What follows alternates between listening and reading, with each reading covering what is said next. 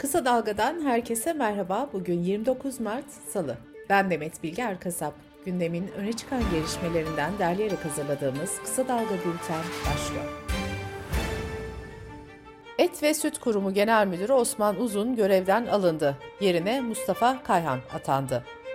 Et ve Süt Kurumu geçtiğimiz günlerde kırmızı et fiyatına %48 zam yapmıştı. Osman Uzun ise zammın gerekçesini çok uzun kuyruklar oluşuyordu bu nedenle fiyatı arttırdık sözleriyle açıklamıştı. Uzun'un bu açıklaması tepkilere neden olmuştu.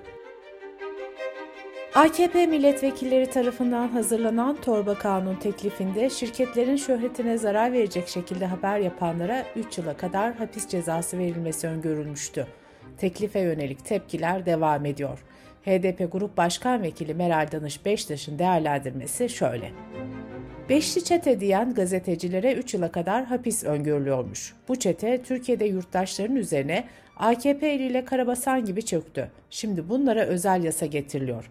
Çete yerine ne diyelim? Mahmut mu diyelim, Abbas mı diyelim? Çeteye çete, hırsı hırsız diyoruz. Türkiye Gazeteciler Cemiyeti Yönetim Kurulu tarafından yapılan açıklama ise şöyle. Seçime gidilen bir süreçte gazetecilere, ekonomi habercilerine aba altından sopa gösteriliyor. Bu madde kabul edilirse yurttaşların habere erişiminin önüne yeni bir engel daha konulacak. Basın ve düşünceyi ifade özgürlüğüne yeni bir darbe olan bu teklifin çekilmesi için iktidar ve muhalefet partilerine çağrı yapıyoruz.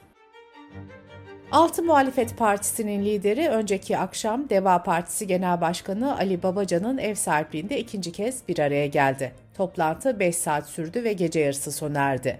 Yapılan ortak açıklamada milletimizin bilmesini isteriz ki demokratik ilkelere dayanan birlikteliğimiz siyasi mühendislik çabalarından etkilenmeyecektir. İşbirliğimizi uyum içinde sürdürmeye kararlıyız denildi. Milli Savunma Bakanlığı'nca Bulgaristan sınırına yakın İğneada açıklarında mayın tespit edildiği ve mayının etkisiz hale getirildiği açıklandı. Cumartesi günü de İstanbul Boğazı'nda bir mayın tespit edilmiş, inceleme sonucunda eski tip olduğu belirtilen mayın etkisiz hale getirilmişti. Rusya geçtiğimiz günlerde Ukrayna'nın Odessa kenti açıklarında denize döktüğü 420 mayının Karadeniz'de sürüklenmeye başladığını açıklayarak Tuna Nehri'nin etkisiyle İstanbul Boğazı'na ulaşabileceği uyarısını yapmıştı. Anayasa Mahkemesi Başkanı Zühtü Arslan, bireysel başvuru sayısının 90 bine dayandığını söyledi. Arslan şöyle konuştu. Bu gerçekten çok endişe verici bir rakam. Dünyanın hiçbir yerinde bu kadar çok bireysel başvuruya muhatap olan bizim dışımızda herhangi bir anayasa mahkemesi yok. İnsan Hakları Mahkemesi de yok. Arslan'ın verdiği bilgilere göre başvuruların yaklaşık %75'i adil yargılanma hakkına ilişkin. Zühtü Arslan, uzun yargılamalarla ilgili yapısal sorunumuz olduğu belli. Bunu çözmek zorundayız diye konuştu. İstanbul Büyükşehir Belediyesi'nin AKP'li meclis üyesi Amine Cansu Kaba partisinden istifa etti. Kaba Twitter'dan şu paylaşımı yaptı. Partimden ayrılma sebeplerim adaletten uzaklaşma, insanların itibarsızlaştırılması, makam ve mevki sahiplerinin liyakatsizliği ve başta gençlik olmak üzere umudun yok edilmesine kadar giden bu yolda vicdanları yaralayan ve bu kadarı da olmaz dediğimiz yanlışlardır.'' Türkiye medyasının en kıdemli isimlerinden olan ve 24 Mart'ta yaşamını yitiren gazeteci Aydın Engin'in basın kartı ile ilgili yargıdan önemli bir karar çıktı. Ankara 18. İdare Mahkemesi Aydın Engin'in basın kartını yenilemeyen İletişim Başkanlığı'nın işleminin iptaline karar verdi. Engin davaya ilişkin şunları söylemişti. Bu cezalandırma pratiğinin gazetecilerin mesleğini yapmasını engellemeye yönelik tutum olduğu çok açık. Biz buna boyun eğmeyiz. Sağlık Bakanı Fahrettin Koca, illerde 100 bin nüfusa karşılık gelen haftalık COVID-19 vaka sayılarını paylaştı. Bakan Koca'nın açıkladığı haritaya göre vakaların en çok görüldüğü il Eskişehir oldu. Eskişehir'i Kırklareli ve Ankara izledi. Dış politika ve dünyadan gelişmelerle devam ediyoruz. Rusya'nın Ukrayna'yı işgalinin yol açtığı insani felaketin boyutları ağırlaşıyor. Ukrayna parlamentosunun insan hakları sorumlusu savaşın başlamasından bu yana en az 143 çocuğun hayatını kaybettiğini ve 216 çocuğun yaralandığını açıkladı. Birleşmiş Milletler Çocuklara Yardım Fonu UNICEF ise yaklaşık 4 milyon 300 bin çocuğun yerinden edildiğini belirtti. Birleşmiş Milletler'in verilerine göre 1119 sivil şimdiye kadar hayatını kaybetti, 1780 kişi de yaralandı. Polonya, Rusya'nın Ukrayna işgalinin başlamasından bu yana savaştan kaçan 2 milyon 300 bin aşkın kişinin ülkeye sığındığını açıkladı. Ukraynalı sığınmacıların AB ülkeleri arasında paylaşımı ile ilgili tartışmalar da devam ediyor. Almanya İçişleri Bakanı Avrupa'da sığınmacıların paylaşımı konusunda kota belirlenmesinden yana olduğunu açıkladı. Cumhurbaşkanı Erdoğan ile Rusya Devlet Başkanı Putin önceki gün telefonda görüşmüş ve müzakerelerin İstanbul'da yapılacağı açıklanmıştı. Ukrayna lideri Zelenski, İstanbul'daki müzakerelerde Ukrayna heyetinin ülkenin toprak bütünlüğünün korunmasına öncelik vereceğini söyledi. Zelenski mesajında, önümüzde yeni bir müzakere turu var. Çünkü biz barış arıyoruz. Bana söylenene göre Türkiye'de yüz yüze görüşme için bir fırsat ve ihtiyaç var. Bu fena değil, sonucu görelim, dedi.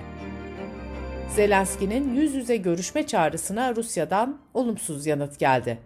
Reuters haber ajansına göre Rusya Dışişleri Bakanı Lavrov, Putin ve Zelenski arasında doğrudan bir görüşme planlanmadığını, şu an olası bir görüşmenin ters etki yapabileceğini ve zararlı olabileceğini söyledi. Lavrov ayrıca İstanbul'daki müzakerelerin başarılı sonuçlanmasını ümit ediyoruz dedi. Genel yayın yönetmenliğini Nobel Barış Ödüllü Dimitri Muratov'un yaptığı Rusya'nın önde gelen bağımsız gazetelerinden Novaya Gazeta, Rusya'nın Ukrayna'ya saldırısı bitene kadar hem basılı hem de çevrim içi yayınlarını durdurduğunu belirtti. İlk günden itibaren savaşa karşı duruş sergileyen gazete, Rusya'nın medya denetim organından bir uyarı daha aldıklarını belirtti. Editörlerin imzasını taşıyan açıklamada şöyle denildi. Gazetenin web sitesindeki, sosyal ağlardaki ve kağıt üzerindeki yayınlarını Ukrayna topraklarındaki özel operasyonun sonuna kadar askıya alıyoruz. Bu arada Alman kamu yayın kurumu Deutsche Welle Rusya'da yabancı ajan ilan edildi. Geçtiğimiz ay Rusya Dışişleri Bakanlığı Deutsche Welle'nin ülkedeki yayınlarının yasaklandığını duyurmuştu. Dünyanın en gelişmiş ekonomilerinden oluşan G7 ülkeleri Rusya'nın doğalgaz ve petrol satışı karşılığındaki ödemelerin Rus rublesiyle yapılması talebini reddetti. Rusya'dan ise ruble ile ödeme yapılmazsa kesinti olur yanıtı geldi. Interfax haber ajansının haberine göre Kremlin sözcüsü Peşkov, Güneydoğu Asya ve Doğu'da da bir pazar var diyerek Avrupa'ya azalan petrol ihracatını Asya'ya yönlendirmeyi hedeflediklerini kaydetti. 94. Oscar ödülleri törenle sahiplerini buldu. En iyi film ödülü Koda'ya verildi. Törende komedyen Chris Rock, en iyi erkek oyuncu ödülünü alan Will Smith'in saç kıran hastalığı geçiren eşiyle ilgili şaka yapınca Smith sahneye doğru yürüdü ve Rock'a tokat attı. Başta önceden yazılmış bir parodi gibi görünen olayın hemen ardından Smith'in karımın adını ağzına alma diye bağırmasıyla ortam gerildi. Will Smith daha sonra ödül konuşmasında olay nedeniyle özür diledi. Sırada ekonomi haberleri var.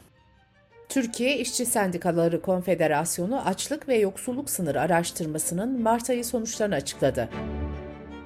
4 kişilik bir ailenin sağlıklı, dengeli ve yeterli beslenebilmesi için yapması gereken aylık gıda harcaması tutarı yani açlık sınırı 4928 lira 8 kuruşa yükseldi. Gıda harcamasıyla giyim, konut, ulaşım, eğitim, sağlık ve benzeri ihtiyaçlar için yapılması zorunlu diğer aylık harcamaların toplam tutarı yani yoksulluk sınırı ise 16.052 lira oldu. Türkiye'de bekar bir çalışanın yaşama maliyeti ise aylık 6.473 lira 98 kuruş olarak belirlendi. Mutfak enflasyonu ise yıllık %76.39 oldu. Türk İş'in verilerine göre dana, kuzu, tavuk ve balık etinin hepsinde fiyatlar arttı. En uygun fiyatlı balıklardan hamsi 40-45 liradan satılır oldu.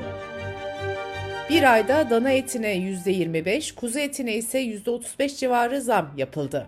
Makarna fiyatlarındaki artış ise %10 olarak hesaplandı.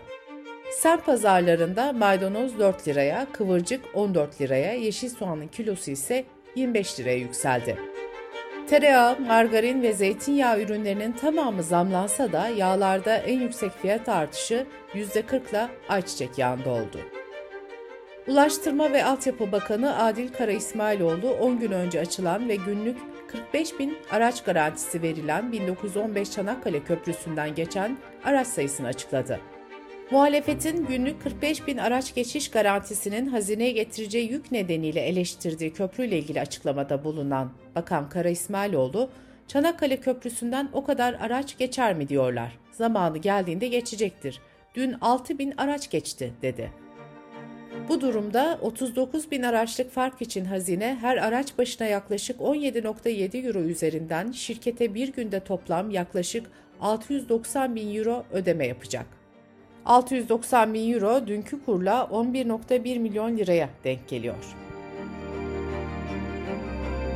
Türk Telekom'un internet hizmetiyle ilgili port ücretlerine %70 zam talebi Bilgi Teknolojileri ve İletişim Kurumu tarafından onaylandı. CHP Genel Başkan Yardımcısı Onursal Adıgüzel, işletmecilerin maliyet artışının önümüzdeki günlerde internet kullanıcılarının cebine yansıması kaçınılmazdır, dedi.